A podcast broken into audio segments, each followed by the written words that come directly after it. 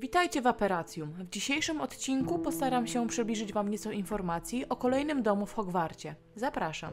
Slytherin był jednym z czterech domów w Szkole Magii i Czarodziejstwa w Hogwarcie, założonym przez Salazara Slytherina. Symbolicznym zwierzęciem domu był wąż, a kolorami domu była zieleń i srebro. Było dwóch znaczących opiekunów domu.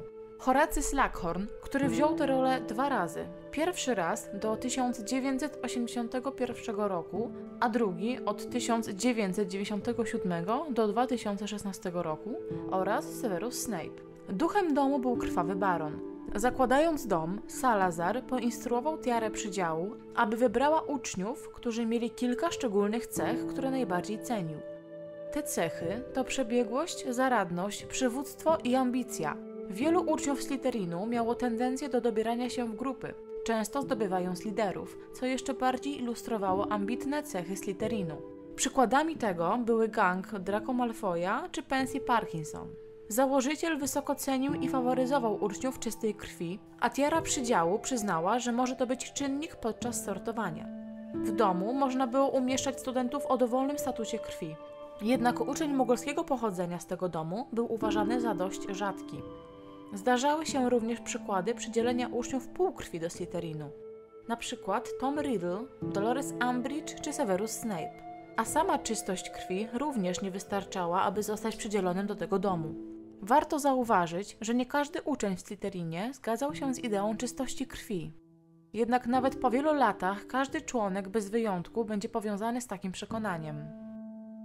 Uczniowie przydzielani do Slytherinu byli również wybierani pod względem opinii na ten temat. Widać to na przykładzie hasła do wspólnego pokoju w 1992 roku, a brzmiało ono czysta krew. Ślizgoni, jako ambitni, sprytni, przebiegli i silni przywódcy, mieli również w przeciwieństwie do gryfonów wysoko rozwinięte zmysły samozachowawcze. Oznacza to, że ślizgoni mieli tendencję do wahania się przed podjęciem działania, aby rozważyć wszystkie możliwe skutki przed podjęciem decyzji. Inną cechą charakterystyczną niektórych ślizgonów była skłonność do głębokiej, nieodwzajemnionej miłości. Severus Snape i Krwawy Baron mieli trwałe, ale nieodwzajemnione uczucia, odpowiednio do Lily Evans i Heleny Ravenclaw.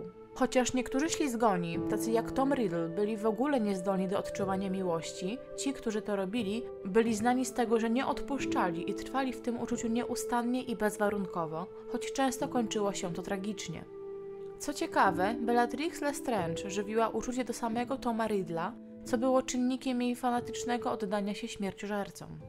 Mimo, że Meropa Riddle nie uczęszczała nigdy do Hogwartu, a co za tym idzie nie mogła być umieszczona w Slytherinie, to wpisuje się ona idealnie w ramy uczniów tego domu. Głęboko kochała ona Toma Riddla seniora, niestety bez wzajemności, co skłoniło ją do użycia innych środków, aby dostać to, czego chciała. Slytherin oraz Gryffindor byli zazwyczaj głównymi rywalami w Quidditchu i Pucharze Domów. Nim Harry Potter przybył do Hogwartu, ślizgoni wygrywali przez 7 lat z rzędu. Między Slytherinem a Gryffindorem można było również zauważyć szczerą wrogość. Jednak nie była to zasada, której przestrzegał każdy uczeń bez wyjątku. Sam czarodziej Merlin przyjaźnił się z Gryfonem Sir Cadoganem, a Severus Snape żywił szczerą sympatię do Lily Evans. Rywalizacja Gryffindoru i Slytherinu była szczególnie widoczna podczas I i II wojny czarodziejów. Podczas II wojny żaden ślizgon nie dołączył do stowarzyszenia znanego jako Gwardia Dumbledora, jednak jest to prawdopodobnie wina Hermione Granger, Rona Weasleya i Harry'ego Pottera, którzy zapraszali tylko osoby, którym ufali. Cała trójka podzielała również głęboką nieufność do jakichkolwiek ślizgonów. Relacje Slytherinu z pozostałymi dwoma domami, Hufflepuff i Ravenclaw, były zmienne. Kiedy Harry Potter przybył do szkoły, Hufflepuff i Ravenclaw byli zmęczeni siedmioletnią pastą Slytherinu i chętnie wspierali Gryffindor w ich wysiłkach, by ją przełamać do tego stopnia, że nawet zwrócili się przeciwko Haremu i jego przyjaciołom, gdy łamali zasady. Kosztowało to Gryffindor 150 punktów, przez co stracili przewagę. Pomoc Puchonów i Krukonów było widać głównie w meczach Quidditcha, gdzie Ravenclaw i Hufflepuff domyślnie wspierali Gryffindor, gdy walczyli ze Slytherinem.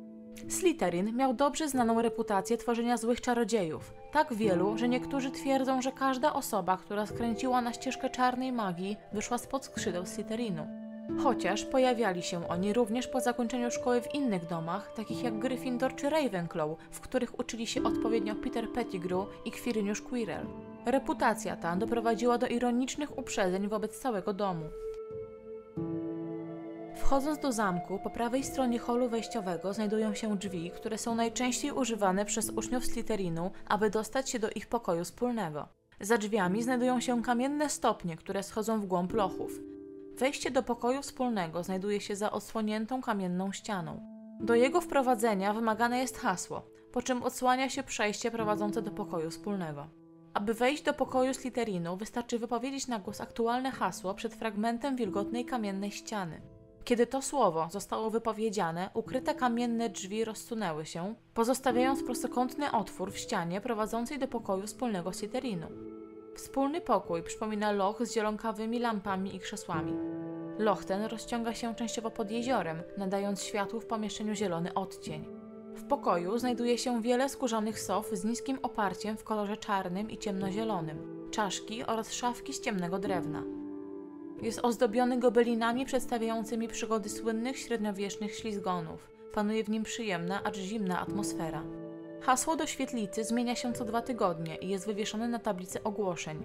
Uczniowie Slytherinu są ostrzegani, aby nigdy nie przeprowadzać uczniów z innych domów do pokoju wspólnego, ani nie ujawniać im hasła. Podobno nikt z zewnątrz nie wchodził do pokoju wspólnego przez ponad 7 wieków, dopóki Harry i Ron nie weszli do pokoju wspólnego Slytherinu, przebrani za Vincenta Kraba i Gregorego Goyla za pomocą eliksiru wielosokowego. Od 2016 roku w pokoju można znaleźć również portret Horacego Slackhorna ze względu na jego niebywałą odwagę w bitwie o Hogwart. To wszystko, co dla Was przygotowaliśmy. Dajcie znać, o czym jeszcze chcielibyście usłyszeć i na brodę Merlina dajcie łapkę w górę.